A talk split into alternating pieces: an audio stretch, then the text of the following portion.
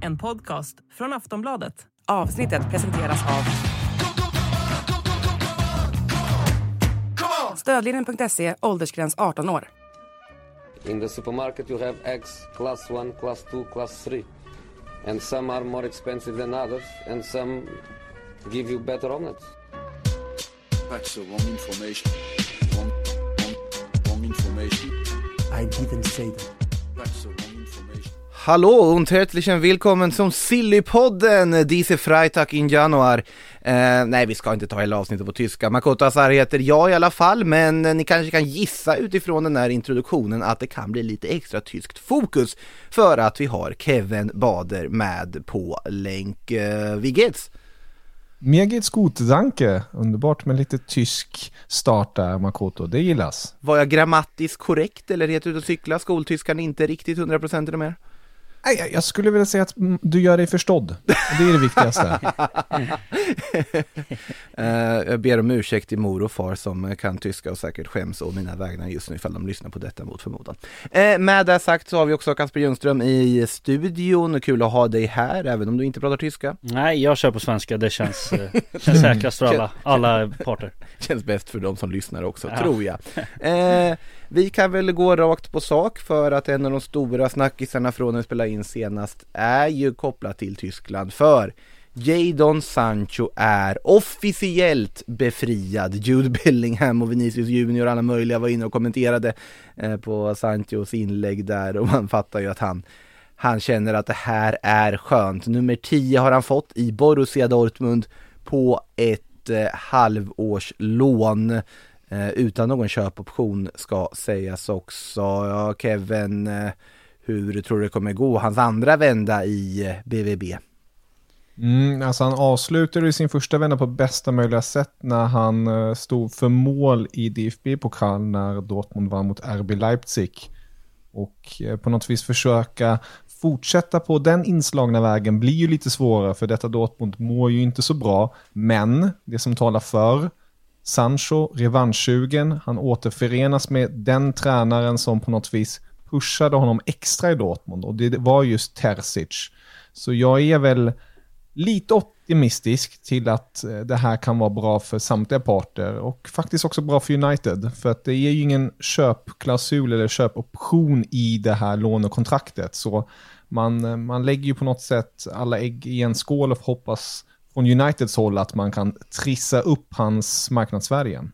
Vad säger du Kasper, tror du att det här är ändå liksom ett drag för United att ändå få tillbaka Sancho om ett halvår och faktiskt integrera honom i en trupp igen? Ja, om, om Erik den Hag som vi var inne på senast här, om Erik den Hag sitter kvar då då blir det nog väldigt, väldigt svårt. Men å andra sidan så är det väl kanske inte jättemycket som talar för att Erik den Hag sitter kvar nästa säsong och eh, då finns väl alla möjligheter efter en, efter en bra vår i Tyskland.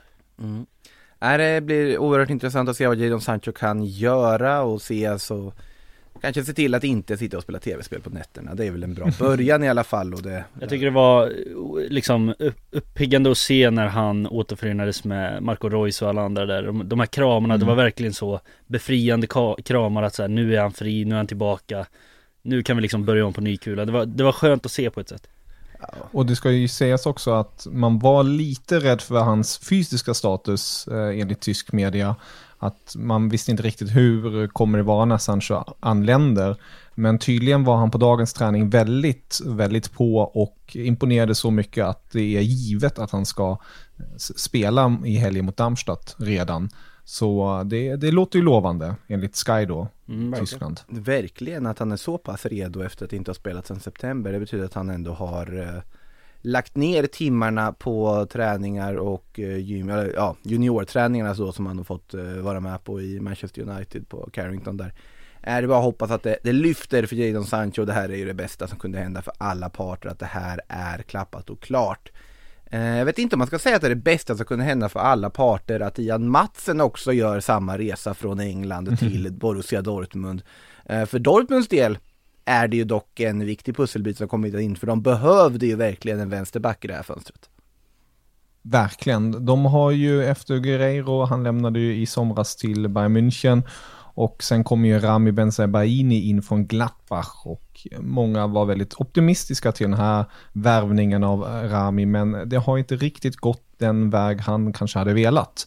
Så eh, nu med det här nyförvärvet från Chelsea då, Matsen, så hoppas man på att kunna på något vis få mer skjuts på den där vänsterbackspositionen som har varit lite svag den här säsongen. Och det, det tror jag absolut att man kommer få. Jag är lite, lite minifrälst av Ian Matsen. Eh, kanske framförallt från, från tiden i Burnley då. Eh, förra säsongen när han slog igenom eh, på allvar. Och sen tycker jag att han har gjort det väldigt, väldigt bra när han, när han får chansen i Chelsea och så att det här tror jag kan vara en riktigt bra, riktigt bra investering från, från Dortmunds håll. Ingen köpoption här heller dock väl, men det finns ju en utköpsklausul som går att aktivera på ett Mm. eller annat sätt. Som Mm. gör den här potentiella övergången lite mer tydligt möjlig att göra permanent, om vi säger så. Eh, blir spännande att se vad Matsen kan göra. Han har inte fått så mycket chanser i Chelsea, på, i alla fall inte på sin riktiga position som ju är vänsterback. Och det, det kan man ju säga man vill om vad hur Maurizio Pochettino har hanterat det. Eh, det är de tyska klubbarna som agerar kan man väl säga lugnt och konstatera där i alla fall i inledningen av det här fönstret som faktiskt får värvningar på papper. Eh, det dök ju upp en viss Eric Dyer på Sebnerstrasse här eh, i dagarna och han är också presenterad nu. Eh, det var inte kanske en övergång man såg hända för ett år sedan att en Eric Dyer på dekis skulle hamna i FC Bayern och återförenas med Harry Kane. Eh, Kevin, din reaktion på att eh, Bayern München väljer det här spåret? Jag tycker ändå att det är ett väldigt sunt spår på många sätt och vis. Både ur ett ekonomiskt eh, perspektiv men även lite kring eh, strukturen i laget. Man har ju Upamecano, Makano, Ligt och Kim som de tre främsta mittbackarna. Alla har varit lite småskadebenägna hela tiden och då har Torshäll haft den problematiken att tagit, behövt ta ner Goretzka i mittbackslåset. Och att kunna ha en Eric Dyer där som en form av backup. För att han kommer ju på lån på sex månader. Och sen har han ytterligare ett optionsår i Bayern då. Och själva övergången kostar ingenting och sen kan bonusar gå upp till cirka 3,5 miljoner euro. Så ur ett Bayern, Bayers perspektiv är det här väldigt bra tycker jag. Plus, lite som Bayern München skriver på sin Twitter, tycker jag är väldigt roligt. När de ska introducera Dyer, det är ungdom i Portugal, engelsk landslagsman och kompis med Kane. Och eh, just den här sista punkten är ju väldigt viktig tror jag ändå. Att, att, att Kane får, får en till kompis i München, någon som man känner lite bättre. Tänk, ja, Dyer sa väl det också att han hade pratat med Harry Kane inför, givetvis då inför den här flytten. Men man tänker ju liksom om Kane då egentligen inte tycker om Eric Dyer så mycket, vad roligt det hade varit då i en sån situation där Dyer helt har missförstått liksom Kanes påståenden där bara Eh, titta här är jag bara, jaha, okej, kul, ja. Uh, nej, skämt åsido, de kommer säkert jättebra överens och det, det kommer nog eh, hjälpa Harry Kane också såklart uh, utanför planen att ha en, en god kamrat från tiden i Tottenham Ja, så, så kanske om Harry Kane eh, kan ha en växel till i sig så eh, kanske man får, får ut den nu då. när Ja, han har inte varit någon flopp direkt Nej, det är det jag menar. Har han en växel i sig till verkligen? Det, ja. Ja, vem vet, han gillar att göra mål den mannen och Mm, det, mål kan man göra i FC Bayern om man får förtroende. Det är många som kan leverera bollen till en och många lägen man kan skapa och så vidare. Where's that dust coming from? Still finding debris after vacuuming? Eufy X10 Pro Omni Robot Vacuum has 8,000 PA of powerful suction to remove debris deep in carpets. And it's totally hands free. Want to know more? Go to eufy.com. That's EUFY.com and discover X10 Pro Omni, the best in class all in one robot vacuum for only $799. Lite anledning till att Dyer hamnade i Bayern München var ju för att Bayern München gick bet i en annan dragkamp. Eh, De ville ju ha Rado Dragosin från eh, Genoa. Eh, det slutade med att Dragosin valde Tottenham efter då snack med Ernst Postecoglou och annat också och säger ju en del om hur kul det verkar vara att spela fotboll i Tottenham för tillfället. Men som sagt också för Dragosins del speltid viktigt. Tottenham behövde mittback. Han är också officiellt presenterad och klar med en Dragon Ball-referens i presentationsbilden, vilket jag så givetvis uppskattar. Eh, det här är ju en kanonvärvning, vi har varit inne på det förut, men de behövde den här värvningen. Ja, och jag tror inte det är otänkbart att eh, att Dragocin kan få, få starten redan här mot, eh, mot United på, är det söndag tror jag väl de spelar? Söndag är det. Eh, för att det är ju sån kris. Det går ju liksom inte att spela med, med Emerson Royal och, och Davis och gubbarna hela tiden utan det, det finns stora chanser att han, han kommer att få se en startelva redan i helgen. Det är min, min känsla. Ja, det blir väldigt intressant. Jag har precis suttit här och pratat om just Tottenham och direkt när jag sa Ben Davis tänkte jag Big Ben Davis. Ni, ni får titta på våra 60 minuters specialare som ni har kanske sett att några lag har kommit ut här nu under veckan för alla pluskunder men vi har spelat in några fler här under dagen därav att om jag, om jag säger något konstigt i den här podden så är det för jag redan suttit och pratat fotboll i princip hela arbetsdagen och är, är ganska trött i huvudet men det är det givetvis värt som sagt tv-specialer som ni kan se på sportbladet.se som kommer komma ut här under dagarna. Och likaså får ni ju inte missa att på söndag så är det en annan match förutom Manchester United-Tottenham som spelas, nämligen Real Madrid mot FC Barcelona i Supercupfinalen som vi sänder på söndagsaftonen för alla pluskunder. Missa inte den matchen, det ska bli otroligt trivsamt eh, och, och följa den på, på kvällen där ska jag säga. Då har jag fått den reklambiten ur eh, ur vägen och då kan vi gå till Sasha Bowie istället för att Bayern München är inte klara bara för att de har värvat Eric Dyer och misslyckats värva Dragusin. Eh, de vill ha en ytterback också Kevin, eller hur? Mm, det vill de ju och Sasha Bowie är ju på radarn. Det har ju rapporterats från olika håll. Eh, men det ska också sägas att det har rapporterats om Mukulele från PSG. Mm eh, som en form av lån. Eh, han själv vill till Bayern. Han känner ju till Tyskland, han har ju spelat i RB Leipzig tidigare. Men frågan är om man kan lösa det från PSG. PSG försökte till med form av switch. De bara, ni kan ta Mokelele så tar vi Kimi samtidigt. Ehm, den switchen gick inte Bayern med på, eh, enkelt sagt. Vill de ha rakt byte då också? Ah, jag har inte hört om några detaljer kring eh, pengar, men eh, skulle inte vara förvånande om PSG är så kaxiga och försöker köra ett rakt byte där. Eh, det, det hade inte ja, varit det, det hade så varit tokigt. Ja. Bara, men, det här men, låter kalas. Ja. Mm. Men det ska ju verkligen understrykas där, alltså den här Kimi, det här Kimi-spåret är ändå rätt så hett just nu för att det är osäkert om han kommer vilja förlänga sitt kontrakt i sommar. Hans kontrakt går ut 2025 Eh, ska också sägas, han har ingen agent så han förhandlar ju själv. Och han har ju blivit lite irriterad kring situationen i, i München den senaste tiden. Så uh, vi får se om uh, vi kommer prata mer om Kimmich under våren och närmare sommaren. För nu i vinter kommer det inte bli något, men i sommar är det inte omöjligt, rapporteras det om. Alltså Barca-spåret ska ju ha svalnat, är ju det mm. som rapporteras om spåret och det är för att de inte helt enkelt har råd Eh, sen är det svårt att se hur de ska formera laget, om de skulle få in Joshua Kimmich på det mittfältet också. Det har ju funnits snack om att Real Madrid har tittat på honom som en arvtagare till Toni Kroos. Eh, om Kroos skulle försvinna. Också dock svårt att se att Real Madrid ska gå för både Kimmich och Alfonso Davis. Där tror jag Alfonso Davis kommer att vara prioriterad. Ja, och det mittfältet känns redan som att det finns, det finns några arvtagare att ta av liksom. Det... Jo, jo, jo, alltså, alltså rent kvalitetsmässigt men mm. just att de vill ha en erfaren spelare i den här mixen också. Mm. Jag ser väl som mer troligt att Tony Kroos förlänger med ytterligare ett år och spelar. Det, det hade inte varit helt otänkbart heller. Nej. Eh, Kroos tror inte jag vill gå någon annanstans heller för att, eh, och han håller fortfarande otroligt hög nivå. Eh, så, så där... Snackas det... ju om lite England annars. City. Alltså, han, Precis, han är sugen på antingen Premier League eller La Liga enligt, enligt tyska Bild och, och Sky. Mm. Men uh, där, där, får vi se, precis som du är inne på, City, Pep känner ju till Kimmich sen tidigare. Uh, det är en spelare som man uh, gillar, så mm. ja. Mm. Jag tror mycket hänger på också hur, ja men dels hur det blir med Calvin Phillips, blir han kvar eller inte? och framförallt kanske hur det blir med Lucas Paqueta och hans bettinganklagelser här. för att skulle det vara så att han kommer kommer ur det där, då tror jag att det är Citys eh, första spår.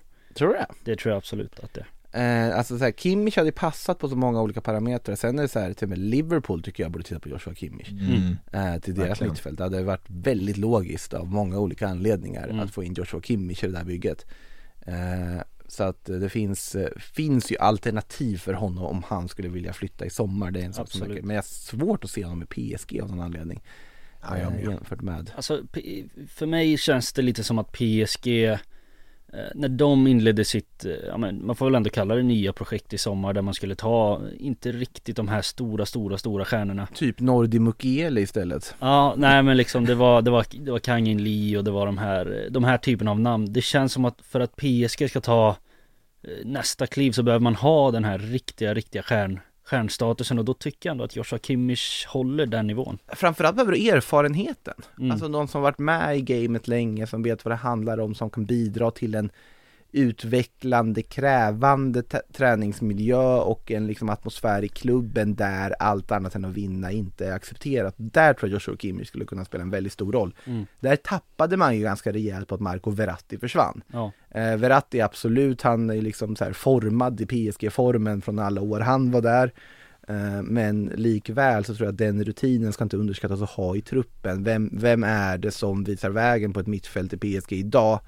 Om saker strular, absolut. Warren Zaire Emery har varit fantastisk, men är 17 år gammal.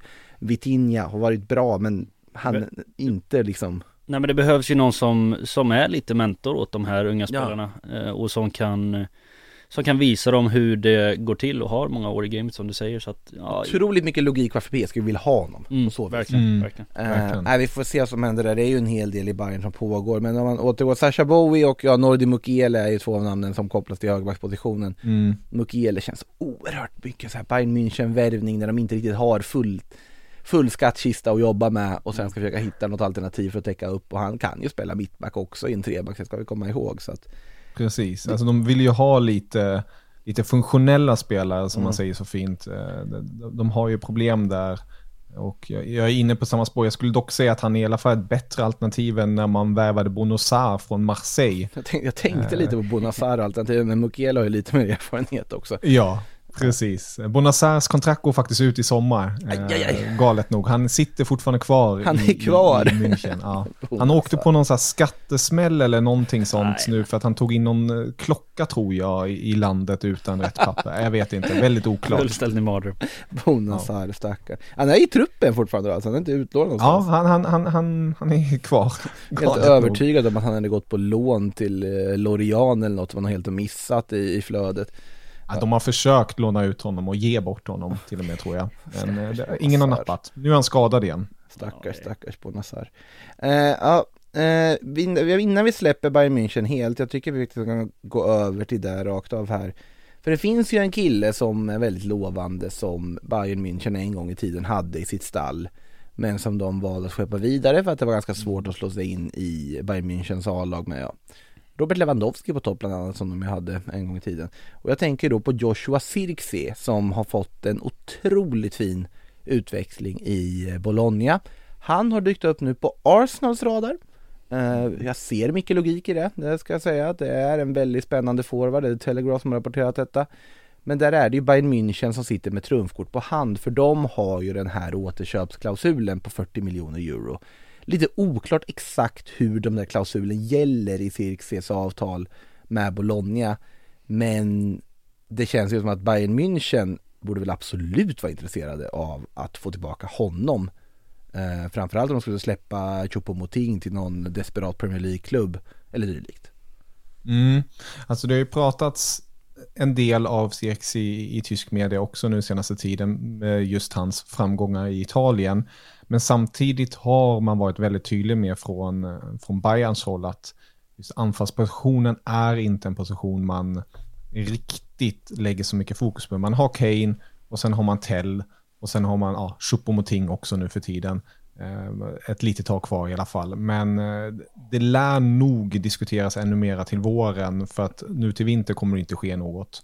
Men jag är helt inne på ditt spår här. Det, det här är ju en väldigt duktig spelare. Eh, han, han hade tufft i Bayern, men när han eh, slog sig igenom där lite lätt och gjorde något mål här och där så såg man ju hans kvaliteter. Och det är ju en sån här klassisk targetanfallare som inte finns så mycket av nu för tiden. Så ja, nej, jag vet inte. Ehm, min magkänsla säger dock att det inte kommer bli av. Jag- De, Bayern är inte det laget eller den klubben som kanske köper, alltså aktiverar sin klausul för att sen sälja vidare. De, de jobbar inte riktigt så, men eh, vi får se. Mm. Och skulle det inte bli Bayern så är det ju verkligen ett, eh, ett öppet race. För det kommer ju finnas klubbar som behöver anfallare i både i vinter och i sommar. Arsenal som du nämner, Chelsea finns där. Uh, och det här kommer ju bli ett, ett billigare alternativ än de absoluta toppanfallarna men som ändå är på väg upp dit Mm. rent liksom kvalitetsmässigt så att Oj vad Juventus kommer vara där och peta. Oj vad Juventus kommer vara där och peta. Det är så uppenbart att de kommer vara där. Och de kommer lägga något skambud, så kommer de säkert vinna den dragkampen ändå. Fast att de, de inte har några som helst pengar att laborera med. Det, det är framtidsscenariot jag ser i alla fall. Eh, De har ju fortfarande en viss attraktionskraft, eh, den gamla damen från Turin. mm. Någon som däremot hade blivit fruktansvärt dyr att värva för att täcka en anfallsposition, det är ju Brightons irländare Evan Ferguson. Och eh, ni kan nog kanske gissa, tänk er en ung Brighton-spelare med en skyhög pri- prislapp där Brighton absolut inte är intresserad av att sälja eller överhuvudtaget förhandla. Vilken klubb kan tänkas gå på ett sånt spår? Jo, Chelsea givetvis. De har ju gjort det för har ju värvat eh, Moises Caicedo och Marco Correa och Robert Sanchez ville i och för sig Brighton bli av med, men de värvade honom ändå. Graham Potter vill absolut inte Brighton bli av med, men Chelsea aktiverade någon köpoption där och plockade honom till slut. Det var ju massa läkare och grejer som De har plockat, de har plockat målvaktstränare, de har plockat sportchef, de har plockat scouter. Och nu, inför nästa sommar när Chelsea då verkligen ska liksom satsa igen och försöka bli där de en gång var. Ja då ska de sätta sig vid bordet med Brighton igen och diskutera även Ferguson. Det verkar ju i alla fall vara en spelare de ser som en långsiktig lösning på deras anfallsfråga. Ja. Eh, alltså orkar vi en vända till med Chelsea och Brighton och förhandlar? Ja alltså jag förstår ju att Chelsea gör det för att eh, det är ju en anfallare som lämnar, lämnar lite fler garantier än vad spelare som kanske Viktor Gyökeres gör och, och Tycker du att Ferguson är mer garanti än ja, men jag, jag, Gyökeres? jag tycker att eh, det är ju på något sätt en grej att göra det i Brighton och i Premier League och det är ju faktiskt en helt annan grej att göra det i Sporting i portugisiska ligan. Det, det, det är klart att om prislappen är de samma så så förstår jag att som engelsk klubb eh, där man liksom first hand har sett vad Evan Ferguson kan göra, att man går på honom istället för Victor Gyökeres. Det, det, det tycker jag är ett rimligt drag. Men eh, sen vem som besitter bäst kvalitet det är ju återstår att se men, men Han är 19 år gammal fortfarande Ferguson, det är ja, det. exakt. Men Chelsea, det är den typen av profil som Chelsea vill värva. De vill ju värva unga spelare och sen så när de tycker att någon passar rätt så är de redo att betala för det också. Mm. Sen att få ihop de pengarna för att värva även Ferguson som, let's face it, han har inte helt etablerat sig som os, alltså självskriven startelva-spelare i Brighton den här säsongen. Nej, men som du sa också, han är 19 år. Det, Jag vet, det är en supertalang absolut, jag fattar varför de är intresserade och det, han kan mycket väl bli en av Premier Leagues absolut bästa forwards. Mm. Men det är mycket pengar och det är inte garantin och liksom kvaliteten här och nu Nej. är det inte det. Men det är ju, vi, vi, vem, vem är det? Alltså vilken spelare kommer in och lämnar en garanti här och nu i Chelsea som är möjlig att Ja, det, det är ju bara det Victor är en Osimhen. högst legitimerad kille, en Mbappé. Ja det, det är ju bara Victor Osimhen som skulle vara liksom möjlig att värva och som kan komma in och vara snäppet högre än vad de här typen av spelare är. Skapligt twist hade det varit om Mbappé skulle välja Chelsea efter alla omgångar. Ja, det, men det, ja, det vågar jag nog liksom utesluta. Det vågar jag nog absolut. Bra, viktigt att poängtera. Ja. Ja, vad, vad säger du Kevin? Evan Ferguson? Jag tycker mm, återigen det är så galet med de här priserna på engelsmännen men eh, jag Irländare förstår... Irländare, förlåt, förlåt. Engelsmännen, men ja. Um, irländare, men det, det är ju, precis som ni är inne på det, alltså han har ju spelat i, i Premier League nu, bevisat sig där. Även om jag kanske håller Gyökeres, han har gjort det bra i Championship, men ja, Championship är Championship, Premier League är Premier League. Eh, Så ja, jag vet inte, om, om det är samma prislapp på båda så förstår man ju varför Chelsea kanske går på även. ehm, Men eh, ändå tokiga priser, Mm, sagt. För att verkligen. Jag har sett honom med, men är han, är han så mycket värd? Jag vet inte. Han är ju, eh, när han spelar så syns det ju att det här eh, med lite rätt skolning och om någon klubb får träff här så kommer det ju bli en spelare att räkna med i Premier League för väldigt, väldigt, väldigt många år framöver. Men det är klart, 19 år. Eh, Det är ju en chansning, det har vi kommit fram till. Eh, Och det är ju alltid med anfallare och, och ja, det är, men, men att han har potentialen till att bli en världsanfallare av absolut, absolut yttersta skick som kan ta Chelsea till nästa nivå, det är det ju inget snack om. Jag, jag skulle väl kanske mer vara så här, varningens finger för hans del, för att Chelsea är så Mm. dysfunktionellt just nu på många sätt och vis. Och det, det känns inte som att det finns någon stabilitet där som han kan luta sig mot, att det blir mer att han som tonåring ska, ska lyfta dem. Det är inte många tonåringar som lyckas med, med den pressen. Och Bellingham är en av, Man måste ha en av fyllt få. 20 då. Ja, Så att, så, eh, anfall- så jag, jag, anfallsrollen jag vet i- inte. Anfallsrollen i Chelsea är ju eh, redan innan det var dysfunktionellt ganska Mm. tuff att ta sig an. Det är ju många som har, som har misslyckats på den posten så att det Och då pratar vi etablerade nior om vi ska gå tillbaka Verkligen. till Andrei Shevchenkos Exakt. glansdagar och Ja, annat. Men det verkligen. kanske vi inte behöver göra här och nu. eh, någon som, en annan nia som är eh, snack omkring och nu hoppar jag tillbaka till Arsenal som jag hade Cirkse på sin lista. Eh, det här är ett löst rykte men det har florerat runt och det är värt att avhandla. Och det är ju Borja Majoral och hur, hur det här har gått till. Att Arsenal kopplas samman med Borja Majoral, det, det, det ska gudarna veta. För att, eh, alltså, jag har alltid gillat Borja Majoral men det är en fattigmans Morata. Det är inte, alltså, det hade varit mer rimligt att värva Enes Ynal efter hans succésäsong i Getafe än att värva Borja Majoral nu. Absolut, han har gjort massa mål för Getafe såklart och det, han har hittat rätt där. Men nej, va? så om Arsenal ens överväger ett sånt alternativ Behåll Edin Ketty och satsa på honom, jag har gett honom nummer 14 på ryggen, absolut Han har varit ojämn i prestationer och sånt Men det är inte en uppgradering att plocka in Borja Majoral för massa pengar i det här läget eh, Är det jag känner och han, fakt- han är faktiskt inte superung någon mer heller eh, 26 år läser jag här. Ja, du hör själv, då satsa på en Kettia då i sånt fall. Arsenal har redan ganska liksom tampas med gränserna för eh, Financial Fair Play, rättare sagt och FAs ekonomiska regelverk och så vidare. Så att det, det där kan vi bara skriva av, Mm. säger jag. Han har säkert alltså gjort det- 20 mål i Premier League när han har gått över sen efter det. Det som, det som talar för att Arsenal skulle vara intresserade det är just att han har en, en oerhört bra näsa för mål. För det är precis det som Arsenal saknar i dagsläget. De har ingen som kan, som kan få bollen i nät. Alltså det är så det ser ut och eh, då är man väl halvt som halvt desperata till att få just det. Att man kan få någon som oavsett hur det går till få in bolluslingen i mål. Då kanske det är bättre att gå på Zero Girassi. eh, på tal Mm. om kanske den mest omskrivna anfallaren i det här fönstret. För att han har ju den här klausulen på 17,5 miljoner euro. Han har gjort lika många mål som Harry Kane i Bundesliga, typ i alla fall, det är väl något som skiljer. Eh, jag tänkte fråga nu när vi har med dig Kevin, du som Mm. faktiskt ändå åtminstone ibland tittar på Stuttgart spela fotboll. Eh, vågar inte lova för våra lyssnare att du har sett varenda Stuttgart-match den här säsongen, det får du stå för själv i sånt fall. Eh, hur bra är egentligen Zero Girassi? Jag skulle säga att han är bra eh, och för den pengen är han värd att chansa på. Men värvar man honom då ska man inte tänka sig och nu värvar vi en, en, en målkung som kommer komma med 25 plus mål per säsong. Det har jag svårt att se för att han, han har nu fått en jäkla bra start den här säsongen och under hösten har han på något vis kunnat följa upp det hela tiden med ett Stuttgart som går riktigt bra just nu med Sebastian Hune som, som ny tränare som kom i våras. Så det är många pusselbitar som har stämt bra överens för hans del. Och med det sagt, skulle han kosta mer, alltså uppemot 60 eller 70, då hade jag sagt okej, ta, ta, ta det lugnt nu. Nu, nu, nu, får, det, nu, får, det, nu får man eh, chilla lite där. Men med den prislappen, då tycker jag bara kör. För det är ju kaffepengar för Premier League-klubbarna. Det är bara att ta in honom, testa, går det inte kan man alltid låna ut eller sälja igen. Så eh, någon av de alltså, klubbarna som verkligen behöver en anfallare och vill testa så skulle jag definitivt göra det. Mm. Eh, men snacket senast är väl att han snarare lutar åt att stanna eller?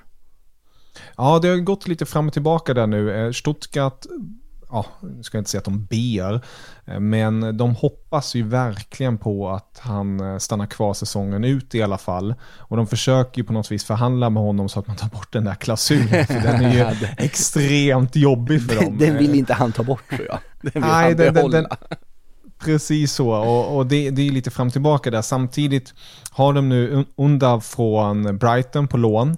Eh, och eh, han har gjort det riktigt bra han med.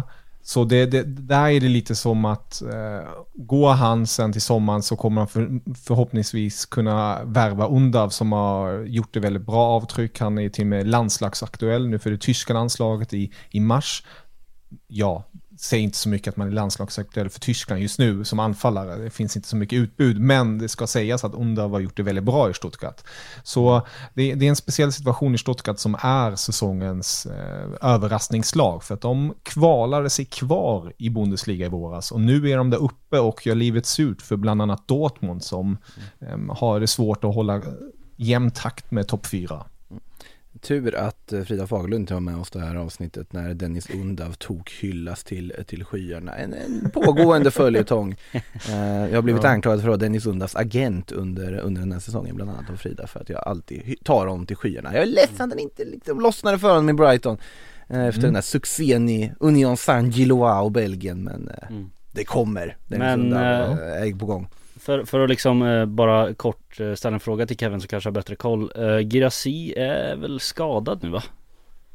Eh, ja, eh, eller vänta nu. Framförallt är han väl i Guinea, eller men ska precis. spela för Exakt. Guinea. Det är det jag Precis. tänker. Ska han spela eller ska han inte? Är han Han- skadad? Han är i truppen. Ja men Han är i truppen där, precis. Han är där i truppen. Så för, för Stuttgarts del eh, är det ju väldigt positivt nu att man, man har fått igång Undav under hösten och så. Så eh, det är ju frågan helt enkelt om, om hans status och om han kommer försvinna nu i vinter eller inte. Mm. Månadens spelare i Bundesliga blev Dennis Undav också, ska vi, ska vi lägga till här nu. Mm. Eh, Ja. Får vi skicka vidare till Frida. Klassforward. Eh, I alla fall, ehm, han borde Arsenal gå för. Nej men eh, vi har ju, eh, ett av de klubbarna som har kopplats till eh, Serhu Girassi är ju Newcastle. De kopplas till det, både ena och andra såklart. Men nu har det kommit lite uppgifter om att de kanske snarare kan tvingas titta på att sälja någon av alla sina stora värvningar. The Times som kommer med eh, rapporten att eh, i och med det finansiella regelverket så kan Newcastle hamna i ett läge där de kanske måste casha in på någon. Mm. Och eh, till artikeln så fanns en bild på Alexander Isak. Väldigt svårt att se det. Eh, utifrån att Isak ändå är deras Kun Agüero på något sätt. Det är deras Agüero-värvning på deras väg att bli Manchester City. Det är ju det de försöker göra. Eh, vem kan tänkas offra sig här? Det är Bruno Gimareis möjligtvis. Ja, det är väl det, är väl det rimliga. Eh, Det är väl han de får ut eh, ja, men mest pengar för eh, och kan ändå liksom på något sätt klara sig utan, även om det är klart att det är ett jätte, jätte, jättetapp. eh, Så går det att klara sig utan Bruno Gimares och då finns det en ganska öppen väg. Vi pratade om, om Kimmich till PSG och, och skulle det bli så att Kimmich då eh, förlänger kanske eventuellt så så är ju Bruno Gimares precis den värvningen vi pratade om tidigare. Han har stjärnstatus, han har gjort det i sto- stora li, alltså han har precis det som PSG söker så att eh, det finns en, en rimlig väg att ta eh, om det skulle bli så att Newcastle tvingas, tvingas sälja. Ja, sen samtidigt, alltså tappa Gimareis för dem är ju att gå så många kliv bakåt. Ja det är det, men I- tvingas man så tvingas man. Ja, och då är det nästan absolut, jag vet ambitionerna med att ha Alexander Isak, men där du har Callum Wilson, när du har ändå visat någon form av intresse för Dominic Solanke. Nu, nu ska jag ju säga att det Hau sköt ju ner det här, han sa att det finns inte att vi kan värva från den hyllan i det här fönstret. Det, det existerar inte på kartan, de kan göra det. Eh, då, då har jag svårt att Nej jag vet inte, jag, jag har så svårt att se att det här ska bli av, att de faktiskt ska sälja någon. Ja det är ju, Det är ju där framförallt. det är ganska långsökt men eh, Ja, men folk har, eller klubbarna har fått lite småpanik i och med Evertons bestraffning de fick och Wolves potentiella bestraffning de kan få. Som har diskuterats, vi får se vad, vad allt detta leder till. Eh, Burnley har värvat forward, det har de. i alla fall på lån. Jag vet inte om det är någon så här etablerad stjärna som ska hjälpa dem att klara kontraktet, men det är ju en spelare med väldigt hög potential. Datro Fofana som man plockar in från Chelsea. Det vart inget bra i Union Berlin Kevin, för honom. Nej, det, om man säger så här, det har inte varit bra för någon i Union Nej, nej, Berlin så- den här hösten. Eh, Men ja, eh, med tanke på vad man hade för förväntningar på Fofana, att man löser ett lån på honom, eh, höjde man ju i skyarna här i Tyskland väldigt mycket ändå, Mm. att man lyckas med det. Och ja, får vi se helt enkelt. Eh, Det, det känns som att det var en blöt, tung filt över, över samtliga nyförvärv i Union. Så att, att sticka nu i vinter var nog ett väldigt smart drag av honom. Ja, någon annan som har stuckit till vinter från Union Berlin är ju annars eh, veteranen Leonardo Bonucci. Eh, Mm. Hur många minuter blev det för han i Union tror jag? 723 minuter i Uniontröjan. Var det 723 bra minuter? Alltså jag skulle väl ändå säga att de inte var, de var inte dåliga allihopa. Det var eh, inga Jonathan. Woodgate-minuter liksom. Nej, nej, nej, nej. Eh, Woodgate håller en egen klass för sig. Så, så Bonucci tycker jag ändå att man ska Ehm, det, det, det är bara väldigt tråkigt att, för att han, när han nu är klar för Fenerbahce redan i vinter, det, det är på något vis personifierar hur Union har haft det den här hösten. Alltså drömmen av att kunna på något vis klättra ut ur Europa och gå på nya äventyr gick bokstavligen eh, käpprätt åt helvete. Eh, och eh, Bonucci skulle ju på något vis vara en, en ledsagare, en ledare, men eh, nej, det, det blev inget. Haveri var vad det blev. Eh, kan man väl lugnt konstatera. De åkte ur i Champions League-gruppen med dunder och brak och eh, ligan går ju inte sådär superbra heller. Eh, några som har ett eh, ha- pågående haveri annars är ju Napoli. Vi, vi touchade på dem förra veckan som inte var nog med att eh, Victor Osimhen går eh, all Will Smith på eh, Kvitta Kvaratskelias agent. Eh, så verkar det som att de faktiskt har fått eh, förhinder i sina försök att värva Lazar Samardic. En spelare som eh, alla så gott som trodde var klar. Det har vi gjort förr ska sägas när det kommer till Samardic. Han kopplades till Inter och allt var färdigt och sen så ändrades förutsättningarna. Rafaela Pimenta dök upp på ett hörn och sen så drog sig Inter ur och sen har det varit pajkastning och det ena och andra hållet. Nu är det snarare så att det är Juventus som har klivit in med intentionen att blocka den här övergången för de vill värva Samardzic. Och in i mixen också Brighton som är intresserade av den här 21-åringen från Udinese. Stackars, stackars, stackars Napoli som, som inte får någonting att gå deras väg just nu. Och stackars stackars Samardzic som aldrig får komma ifrån Udinese Han har ju varit, varit klar för både två, tre, fyra, fem snart klubbar liksom Han får aldrig komma därifrån Det, det Alltså Ja, det hans, bli- hans far är noggrann, att det ska bli rätt väl Ja. när han flyttar, det är en sak som är säker. Man ska Verkligen. uttrycka det milt, det som pågår där. Ja, Eh, Ja, herregud ja. ja. Vi får väl se om man får en eh, flytt, eh, en stackars mittfältare förr eller senare. Eh, några som har det lite desto bättre, eller åtminstone någon som också har väldigt mycket, vad heter det, intresse från olika klubbar eh, som är en ung mittfältare är ju Lukas Bergvall. Svag segway ifrån mig men det, det får ni ta. Eh, Eintracht Frankfurt eh, har lagt bud rapporteras det till Mm. Djurgården och Barcelona är ju fortfarande med i leken också. Men Kevin, ska de spela både Hugo Larsson och Lukas Bergvall eller är Bergvall tänkt liksom vara på återväxt på ett annat sätt tror du? Jag tror Bergvall är först och främst lite mer eh, återväxt så, men eh, Eintracht och som de flesta vet, de tyska klubbarna är ju inte främmande till att ser man potentialen, ser man framstegen så, så kommer man inte hålla dörren stängd till att kunna kanske spela väldigt snabbt redan från, från start. Ehm, men eh, det är ju så att ehm, Eintracht Frankfurt, de, de har ju värvat in bland annat Donny van de Beek nu också, men det, det är ju deras Skihiri är ju borta nu på landslagsupp, landslagsuppdrag också och eh, de, de vill ju vara där uppe och, och slåss. Eh, Deras kapten Sebastian Rode har varit skadebenägen och itten och ditten. Så att få in en till sån ung talang eh, och väldigt roligt ur ett svenskt perspektiv att det är en till svensk med tanke på Hugo Larssons succé den här hösten så nej. Jag hoppas ju personligen på att Hugo skickar ett par sms till Lukas och säger kom ner till Eintracht. mm. Det är Och trevligt här. det är nog verkligen det jag hoppas på med Det känns som att, eh, som Kevin säger, möjligheterna för att få lite speltid eh, på den yttersta nivån De är mycket, mycket större i Frankfurt än vad de är i Barcelona Och jag säger om en klubb som Barcelona eller Real Madrid knackar på dörren och du har möjlighet att gå dit. Tackar du man nej. Ja men man måste väga in Alltså ja, men tänk efter, alltså så här.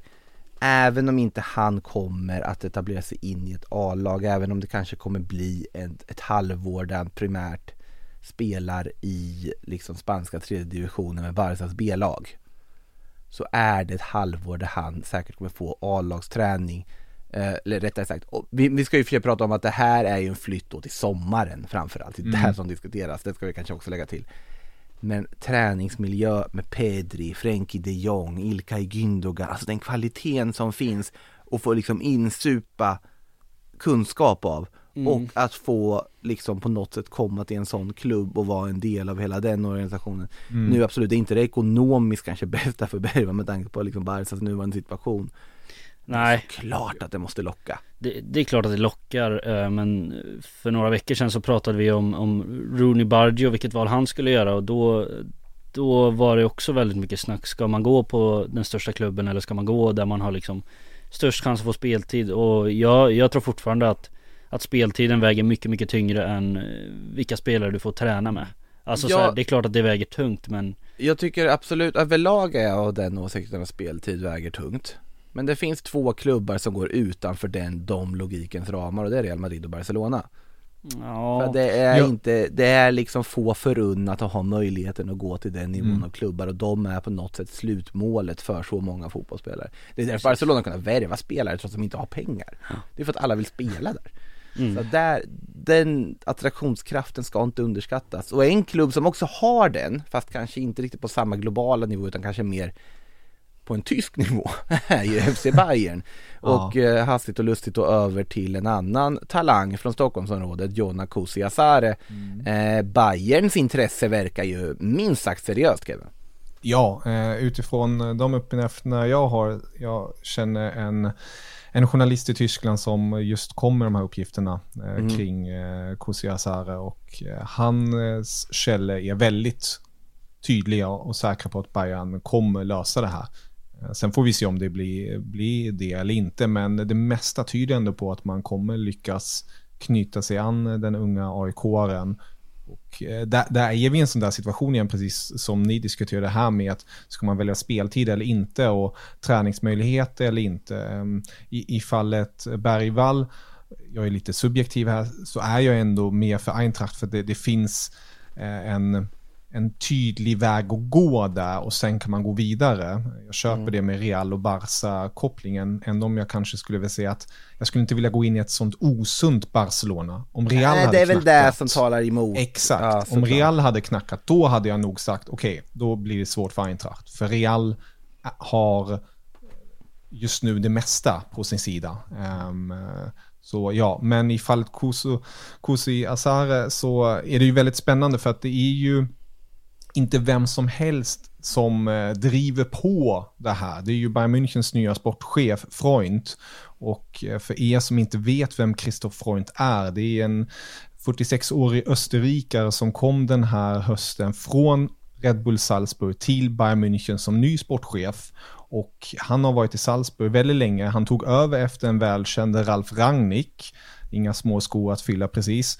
Och har varit den ytterst ansvarige när man har värvat in Erling Haaland, Dominik Soboslaj, Dayet Upamecano, Karim Adeyemi med flera. Så att han pekar, här, honom vill vi ha, säger ju väldigt mycket. Och eh, enligt de här tyska uppgifterna då är det ju att han kommer ju framförallt spela för, för det andra laget. Inte så smickrande lag precis som spelar regionalliga i Bayern, fjärde ligan. Men han kommer få spe, äh, träna regelbundet med A-laget, då med Harry Kane, Thomas Müller etc. Och därigenom kanske till och med slå sig in i någon matchtrupp och kanske kunna bli utlånad där mera vidare. Vi har ju sett nu här, lite exempel i Bayern som Alexander Pavlovic som har slagit sig in i A-laget den här säsongen. Eh, dessförinnan Frans Kretzik som har gjort detsamma som kommer från andra laget. Så Bayerns nya plan är ju självfallet plocka in juveler som Harry Kane, men även hitta diamanterna som kan bli något stort. Alltså jag tänker Joshua Sirksi. Alltså är väl också en här, en någon som kom in ungt och liksom ändå gjort en karriär Mm. i, större klubbar sen, alltså så här Arjon Ibrahimovic. Eh, Mm. Det finns ju liksom många, ganska tydligt track record. Ja, och jag menar det här är ju lite av en annan situation än den som vi har för Bergvall. Ja. Bergvall är ju längre fram i sin Ja. utveckling där, där speltid faktiskt är en seriös möjlighet. För Kusiasare så handlar det ju väldigt, väldigt mycket mer om att hamna i en, i en bra miljö för att sen om några år kunna, Mm. kunna ta det klivet som Bergvall kanske är redan för, är redo för nu. Så att eh, ja, där, där hade det ju varit väldigt, väldigt spännande med Bayern München. Det är, det är över, överlag väldigt spännande med de här unga svenska Mm, talangerna som kopplas till väldigt stora klubbar, det, det måste man säga. Eh, vi tar lite frågor tycker jag. Ehm, vi har en faktiskt om just Bayern från Melvin Beck. Eh, Bayern verkar inte vara sugna på att lägga pengar i detta fönster, inte ens på Palinja. Planerar man för Araujo? Tror du Kevin? Det har ju snackats väldigt mycket om Araujo och att Tuchel är väldigt förtjust i honom.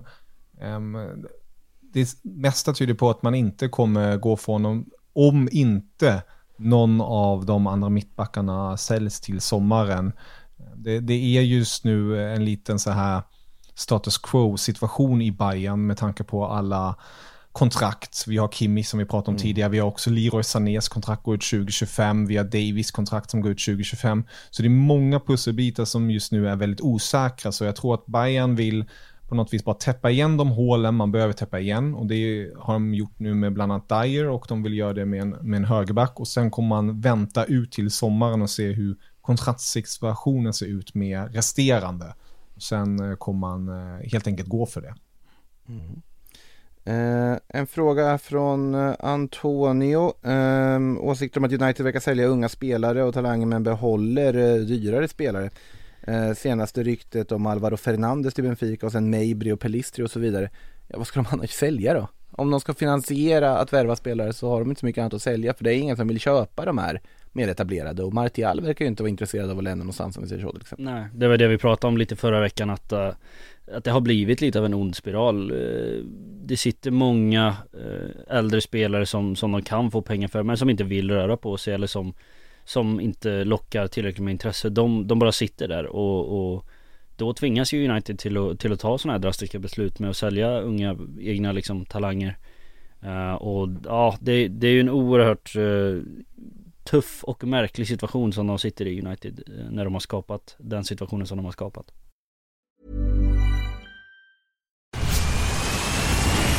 Where's that dust coming from? Still finding debris after vacuuming? Eufy X10 Pro Omni Robot Vacuum has 8,000 PA of powerful suction to remove debris deep in carpets. And it's totally hands free. Want to know more? Go to eufy.com. That's EUFY.com and discover X10 Pro Omni, the best in class all in one robot vacuum for only $799.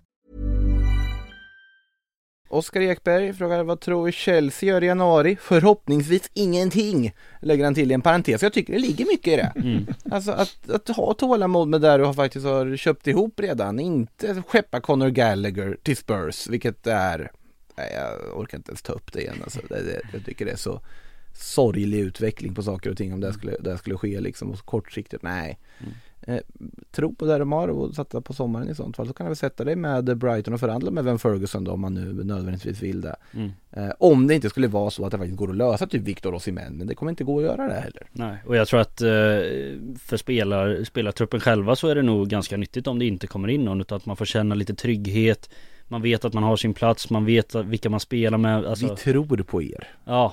Signaler från Exakt så, exakt så att man får liksom spela ihop sig som en grupp för det är ju det problemet som de har haft att det har varit väldigt många individualister i Chelsea som, som inte riktigt har eh, Det har inte klickat i, mm. tillsammans på det sättet Vet du, jag kommer ihåg Nico Jacksons främsta tid i Villarreal, det var på våren. Ja. Han öste in mål.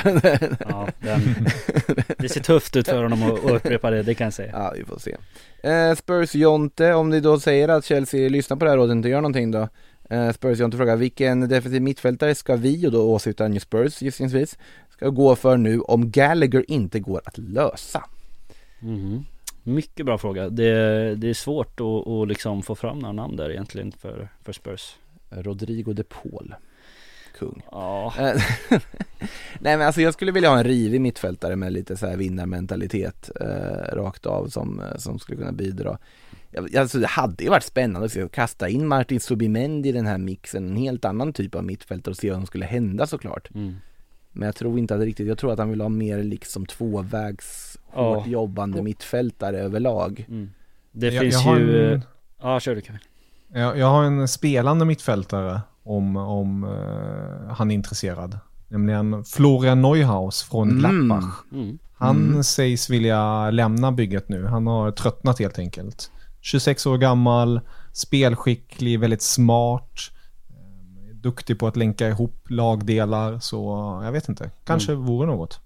Ja, ett annat namn som ploppar upp är ju Monacos eh, Yusuf Fofana Som har Mm. eh, visat sig vara aktuell för många klubbar och som det ryktades lite om redan i somras här eh, en, Också en spelskicklig mittfältare som Som kan ta jobbet åt, åt båda hållen så att eh, det är väl också ett namn som, som skulle kunna kliva in eh, och göra ett väldigt bra jobb i Tottenham Verkligen, Nej, det finns ju mycket duktiga mittfältare Mm. där ute som, som hade gått att eh, gå för så att säga i ett, i ett sånt här läge. Eh, mittfältet är väl det som Spurs potentiellt skulle kunna förstärka här nu under resten av fönstret. De har ju redan öppnat med att värva två logiska och smarta värvningar i mitt Mm. tycke, både Werner och Rado Dragosin. En fråga till tar vi, eh, nej två frågor till. Eh, Jesper Lundgren frågar hur borde Girona agera i fönstret? Självklart inte försöka sälja någon men ska man bredda och i vilken utsträckning har man råd med det? Man har inte alls råd med det. Eh, Det är eh, tungt och tufft. Jag vet inte om de, vär- nu kanske jag blandar ihop det i huvudet här men jag har för mig att de värvade han Martin Hångla här nyligen, eller var på väg att göra det i alla fall. Eh, kan också vara så att det var Granada han var på väg till och att jag helt då har blandat ihop det. Det ska givetvis kollas live medan jag ställer den sista frågan.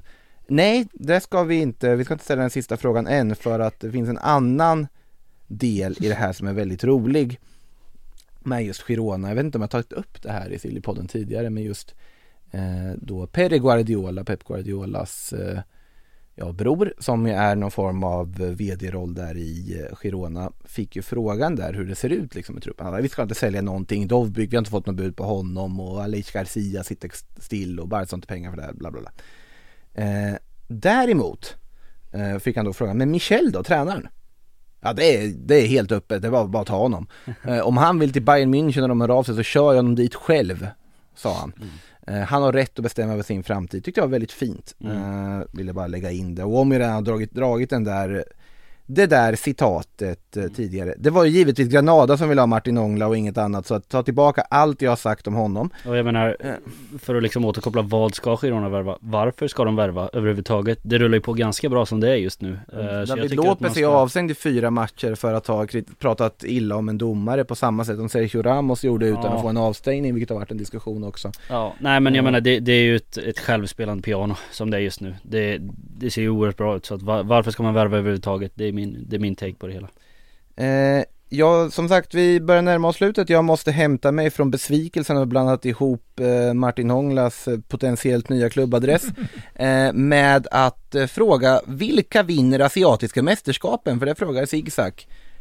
Jag antar att du har ett ganska Alltså det, det ska de göra. Alltså, Ja. Japan just nu, den formen de har visat på landslags i landslagsväg. Det var länge sedan alltså jag var så taggad på ett japanskt landslag och eh, liksom så laddad och liksom spänd på ett japanskt landslag som man är för tillfället. Så att det är klart att Japan är favoriter och ska, ska kunna, kunna ta hem det om, om allt sitter. mm, Eh, främsta motbud är väl, ja men det är väl Sydkorea och eh, Iran framförallt som, som första handare. Men Hur väl har det saudiska laget utvecklats under tiden de har fått eh, kampera med Cristiano Ronaldo, Karim Benzema och gänget där borta? Australien finns ju där också som skulle Just kunna göra ja. någonting. Har väl gått ner sig lite på senare år men det, det finns väl, finns väl förhoppningar där. Fortfarande smått skandalöst att de släpptes in i asiatiska eh, konferensen bara för att de hade det så lätt i, i, eh, i Oceanien. Jag kommer aldrig släppa det. Eh, nej, det är sådana asiatiska mästerskap som drar igång också, det får ni inte heller glömma mitt i eh, liksom Afghan-hets höll jag på att säga, men det, det är ju två spännande landslagsmästerskap som ska äga rum här nu framöver. Mysiga framförallt. Verkligen. Eh, med det sagt, eh, stort tack eh, Kevin Bader för att eh, du ville vara med och delge lite från eh, de höll på att säga de tyska öarna men det har ju varit väldigt konstigt, den tyska fastlandet. Eh, mycket trevligt att ha dig med sedvanligt och stort tack såklart Kasper också för att du ville vara med och framför allt, ja, stort tack alla lyssnare. Vielen Dank und auf Wiedersehen. Auf Wiedersehen. In the supermarket, you have eggs class 1, class 2, class 3. And some are more expensive than others, and some give you better omelets. That's the wrong information. Wrong, wrong, wrong information. I didn't say that. Du har lyssnat på en podcast från Aftonbladet. Ansvarig utgivare är Lena K Samuelsson.